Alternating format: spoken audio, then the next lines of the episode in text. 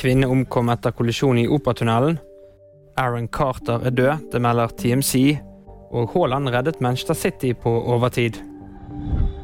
En kvinne er død etter trafikkulykke.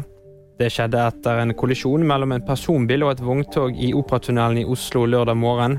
Fire personer er også skadet. Ulykken skjedde i det østgående avkjøringsløpet fra Operatunnelen og ut på Mosseveien. Artisten Aaron Carter er død. Ifølge nettstedet TMC rykket politiet ut til hjemmet hans i California lørdag og fant ham død. Han ble 34 år gammel. Carter er lillebroren til Nick Carter fra boybandet Backstreet Boys. Han er også selv kjent som sanger. Haaland matchvinner etter å ha startet på benken.